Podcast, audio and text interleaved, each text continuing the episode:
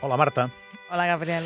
L'Alberg de l'Alberg, que és l'espai de cooperació, solidaritat, que tenim aquí avui a, a, a Avui serà un bon dia de Ràdio Nacional d'Andorra i cada dues setmanes la Marta ens ve veure i ens proposa temes que tenen a veure amb això, doncs amb la cooperació, amb la solidaritat. Ella és qui eh, dinamitza la iniciativa 12x12, eh, que està encaixada en el seu projecte Antròpia, que és un projecte que va d'això, estrictament d'això, i crec que és l'experta més experta que tenim a Andorra en aquests temes. Per tant, tenim molta sort, i vosaltres de retruc, per poder-la escoltar cada dues setmanes.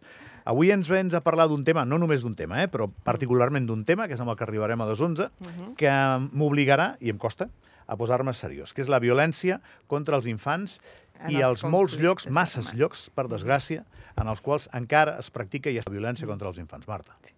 Sí, la veritat és que he volgut treure el tema perquè, malauradament, cada vegada hi ha més conflictes armats i cada vegada els tenim més propers, també. O sigui, L'any passat vam tenir Ucraïna, aquest any bueno, Israel i l'estat de Palestina ja ja és un lloc on sempre hi ha hagut conflictes, però lògicament des de fa un mes doncs, encara uh, està més, s'està agravant la situació. Són terribles les imatges, eh?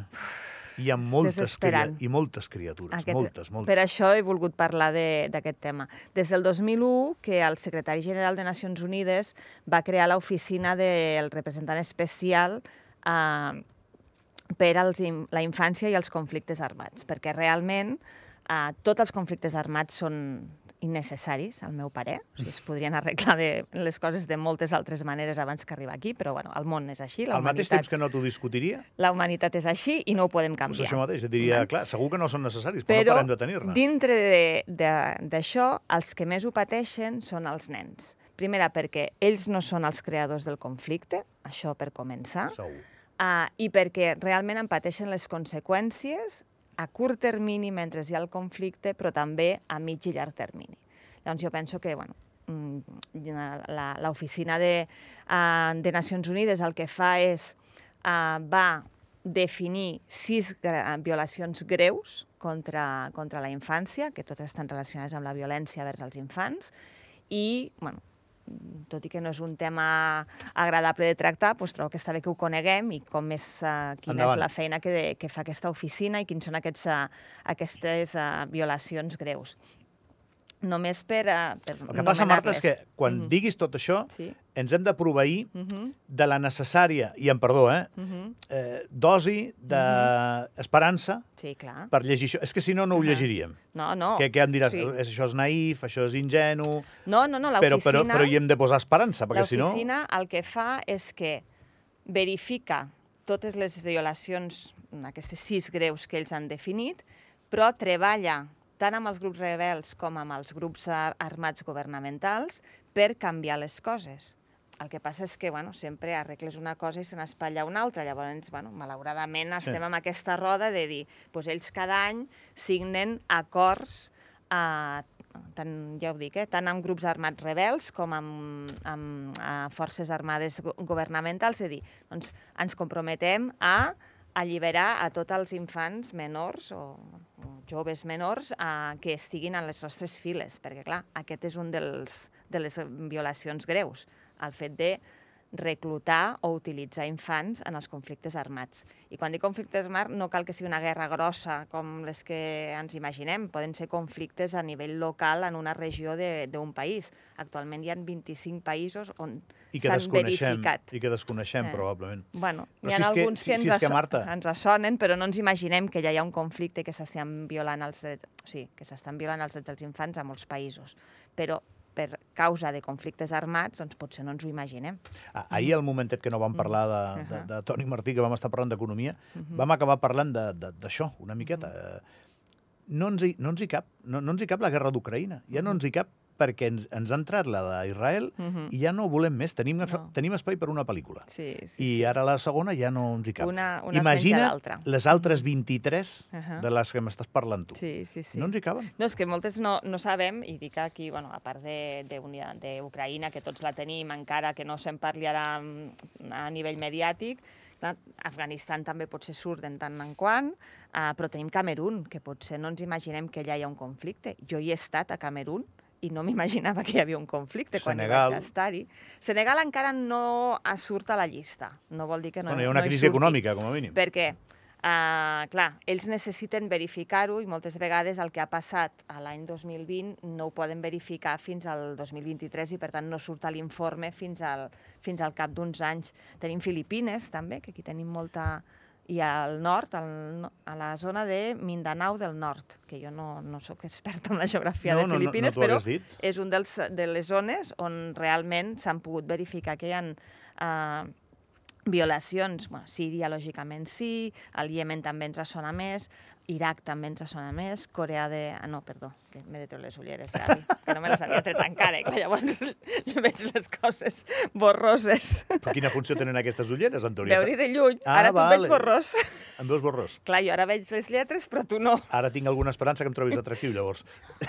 To- tots tenim algun atractiu no? i per això no em cal tre- treure'm les ulleres. Però bueno, tenim Mozambic, tenim Haití, que també, bueno, sempre són països que quan llegeixes la llista no et sorprenen. Bueno, són inest inestables. Són no? inestables. Ja. El que passa és que bueno, n'hi ha alguns que potser et, eh, ens sorprenen més que, més que d'altres. Llavors, per, per no entrar a definir una, una per una, sí que hi ha, per exemple, el 2022, una de les violacions és el, a l'ús i reclutament d'infants soldats. Vale. Uh, Se'n van verificar 7.622 Bueno, són molts, eh? en aquests 26 països uh, a on més, a Síria, a, a República Centrafricana, Centrafricana, sempre m'ha costat dir aquest país, Somàlia, Mali i Afganistan. O sigui, sí que és el que dèiem, eh? o sigui, en aquests, potser en aquests països no, però en d'altres països que també hi ha infants soldats, uh, ja s'estan fent tractats a nivell intern doncs, perquè els nens siguin alliberats poquet a poquet, però això requereix el, el seu temps. I el que deia abans de, de curt termini i llarg termini, eh, moltes d'aquestes violacions, en el cas dels infants soldats, clar, a part de que els, sobretot els nens eh, són utilitzats en els combats directament i poden acabar fins i tot matant a persones, Mhm. perquè això ha passat, uh, uh, sobre, poden ser utilitzats com a cuiners, com a missatgers, i les nenes també són utilitzades com a esclaves sexuals. Vale? I quan no, doncs, són utilitzades doncs, per, bueno, per, com a tàctica de guerra, el tema de les violacions. Doncs tot això comporta no només el, el problema de conseqüències a nivell del seu desenvolupament, perquè no tenen accés a l'educació, no tenen accés a, un, a una salut o uns serveis de salut adequats, No, es perverteix tot el cicle de la Ah, vida. Clar, estan estigmatitzats, uh, no, moltes vegades els és molt difícil retornar a les seves uh, pròpies comunitats i famílies un cop han estat associats amb algun grup armat. Per tant, doncs, bueno, és el, el tema. Després, doncs, el 2022 es- s'ha pogut verificar que hi van haver-hi 8.630 infants morts o ferits en Joder. conflictes armats. L'any que ve, malauradament, aquesta xifra pujarà perquè doncs, Per el només està amb, amb el que està passant aquest últim mes, que ja en portem, crec que són 4.000,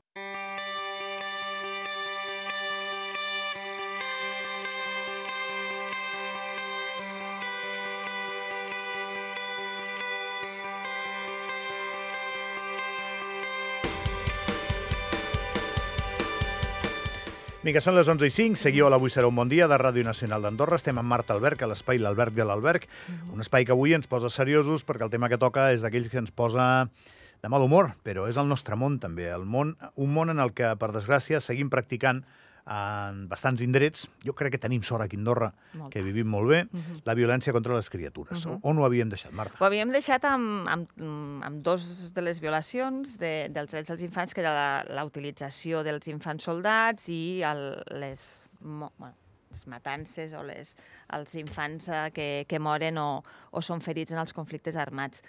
Uh, una altra de les violacions és, que n'hem mig parlat ja, és la, la violació i altres formes de, de violència sexual, que el 2022 uh, se'n van verificar 1.166, doncs n'hem parlat ja una mica amb totes les conseqüències que, que, això, que això té. Els secrestos també és una d'aquestes uh, violacions uh, del, dels drets. Tanta violació, ja no sé el que dic. Sí, ho estàs dient molt bé, Marta. uh... Són violacions diferents, però al final sí, ho són. Sí, sí, no, no, però dic que els, els secrestos recordarem Boko Haram. És un dels exemples clars de, de que s'utilitzen com, a, com a tàctica de guerra, el, secrets de És que a més jo crec que de- van de aparellats amb altre Mhm. tipus d'abusos. Bueno, és que eh, quan mires amb calma les dades, jo és que sóc molt d'informes d'aquests, jo sóc una forofa de llegir-me informes d'aquests tipus, i llavors el que veus és que hi ha moltes més eh, verificacions de casos que infants afectats. El que vol dir és que un infant pot haver patit tres d'aquestes coses, o quatre, o totes. Mhm. Llavors, clar, és, és encara més greu, no? perquè dic, ja és greu que et secrestin, encara és més greu que et secrestin i et violin, i encara és més greu que et secrestin, et violin i et fereixin o t'acabin matant. Clar, vull dir, una persona en, en Mhm. aquelles condicions Eh. que està privada de llibertat, Mm. vés a saber on, Sí, eh, sí, sí. eh, està Mhm. totalment exposada Eh, a que fas indefensa. això I mateix. més quan ets nen. O sigui, ja ets indefens quan estàs en aquesta situació Sí, sent sí, adult, un adult, doncs sí. imaginem-nos quan som nens que ens passin aquestes coses. Després, un que també s'està donant molt aquests dies és els atacs a escoles i hospitals. Aquest també està considerat una violació greu. Per què? Perquè es considera que tant els hospitals com les escoles han de ser un lloc que dongui seguretat no només als nens, en el cas dels hospitals, sinó a tots els malalts, i el que està passant és que no només estan sent atacats, ah, sinó que moltes vegades els grups rebels els, els utilitzen com que en teoria amb la llei aquesta de la guerra no pots atacar escoles i hospitals, els que fan els grups els rebels o els grups armats en general, és de que s'amaguen als hospitals. Fas molt bé el de dir en teoria. Clar, no, en teoria. clar, és que No, però és que no parem de veure imatges Clar, d'això, és eh? que a, a, a mi, aquí sóc una mica cínica, no? però és que a mi em fa molta gràcia que em diguin que hi ha unes lleis de guerra en el qual doncs, tu estàs en guerra però no pots fer això i això i això, quan és que és igual quin dels dos bàndols o dels tres bàndols, perquè a vegades a les guerres hi ha més de dos bàndols, uh, ho estan vulnerant dia darrere dia. Saps? Llavors dius, bueno, aquestes lleis de la guerra doncs, no sé per què les fem. Però bueno, in- s'intenta com a mínim que hi hagi un mínim de... I un altre que també estem veient aquests dies és la denegació de- d'accés a l'ajuda humanitària. O sigui, al final, doncs, ah, mira, el 2022 n'hi van haver-hi 3.931, un dels llocs on més eh, s'ha donat és a Israel i l'estat de Palestina, i bueno, aquest any doncs, eh, tornaran a, a augmentar aquestes, aquestes dades. Llavors, bueno, jo penso que és un tema que no és agradable, però jo penso que hem de saber que, que això està passant, que hi ha una oficina doncs, que, que està vetllant com a mínim per quantificar això, per I que hi hem de posar una dosi, una dosi d'esperança, Marta, que que si no... també, com aquí dius, i aquest, aquesta dosi d'esperança és que d'aquests 25 països, uh, 25 països més una regió, en 21 d'ells ja s'està treballant perquè s'arribi a una solució en el cas de la infància. Mhm. Una altra cosa és que a curt termini és difícil de, de que s'arribi, però que ja hi ha els compromisos, doncs, sobretot en el cas de, dels infants que estan amb, associats a grups armats, és potser dintre de la gravetat de, de, les, de les sis violacions, és una de les que més fàcil s'arriba a un consens amb els grups armats. El que passa és que ja ho dic, a vegades tu arribes a l'acord avui i els nens no comencen a ser alliberats fins aquí uns mesos i amb, amb tot el procés de reinserció que se'ls ha de, de fer el seguiment i se'ls ha d'acompanyar, perquè clar, no és tu surts del grup armat i et porto a casa teva Com- amb els teus pares i amb la comunitat, perquè lògicament ningú els vol amb aquests nens. Com costa d'entendre la crueltat eh, d'aquesta gent, no? Mhm. Costa d'entendre, eh? Costa. Em, em costa Mhm. d'entendre que es pugui Mhm. bombardejar un hospital, eh? Mhm. Però Sí, sí, sí. després t'expliquen que la densitat de població de Gaza és molt alta, que al costat de l'hospital hi viuen tres terroristes i que la precisió... Bueno, eh, aviam, tu, pots creure o no tu pots creure, però en tot cas allò està tan generalitzat que és complicat. Però segrestar Eh, a, sí, a, sí, a sí. 30 criatures. Ahà. Mhm. No sé, eh, Mira, què, què, què en- passa aquí? En aquest informe de l'any passat hi ha precisament un cas d'aquest dels túnels famosos que s'estan que s'estan parlant ara, dels túnels que hi ha mm, per sota de Gaza, que en teoria doncs, el Hamas els utilitza o, o qui sigui els utilitza, doncs es va bombardejar una escola perquè van dir que hi havia els túnels a sota de l'escola, i és veritat, els túnels passaven per sota de l'escola, però no s'ha demostrat de que hi hagués una connexió entre el túnel i l'escola. Per tant, l'escola no estava sent utilitzada ni com a entrada ni com a sortida del túnel. Ni es demostrarà. No, no, ja està. Si aquests ho diuen és que no, No, es pot ja està. demostrar. Ells no consideren Llavors que s'hagi de demostrar. Mm, clar, és el que dius tu. És que la casa del costat, doncs, eh, hem Això és el que diuen. considerat... Clar, no, no, Hi ha una densitat de població Ja, molt alta, ja, ja. per tant, eh, Ahà. hi ha objectius militars que estan barrejats Sí, sí, sí. amb eh, Ahà. instal·lacions eh, Mhm. que tenen aquest estil, hospitals, sí, eh, sí, no, no, escoles, està clar. i eh, Jo és els el que dic, eh? en una guerra, o sigui, les violacions dels drets és un continu per tots els bandos que hi participen, no és... Mira, et vaig a dir una cosa i, i una acabarem. Uh, perquè el que m'has de dir d'agenda m'ho diràs sobre la sintonia, que quedarà molt xulo. Uh, tu saps que cada dia em miro les efemèrides per veure si les faig servir o no, eh? Vale. No sempre les faig servir, avui no he Mhm. tingut temps. Ahà. Un 9 de novembre del Mhm. 1720, Mm, a, a Jerusalem, mm. era cremada la sinagoga Yehuda e Asit. Era una sinagoga molt important. I la Mhm. cremaven eh, fanàtics eh, musulmans. Mhm. I dius, i això què vol dir ara? Doncs això vol dir que és que porten molts anys allà amb això. Molts segles. Porten molts anys, molts, Mhm. molts anys. Jo és un I, dels, i de l'episodi aquest, eh, de lamentablement, es pot menys- diluir en una menys història. entenc. O sigui, tots hem estudiat història i tots sabem què, què ha passat, però uh, no sé per què no es pot solucionar. Ja sé que les coses com més de lluny venen Jo crec que pitjor. es pot solucionar. Clar, no, jo també, ja, jo també, però és que, clar, el que no entenc és que estiguin sempre, perquè ja ho dic, a, Ara és molt difícil. a l'informe aquest surten sempre, cada any surt Mm. Israel i l'estat de Palestina. O sigui, per, per tant, que ara, clar, ara la cosa s'ha sortit de mare, si podem dir-ho, però és que sempre hi ha uh, nens uh, ferits, mar, morts, uh, detinguts, de tot. Vols que parlem d'aquestes coses d'agenda o deixem estar aquí?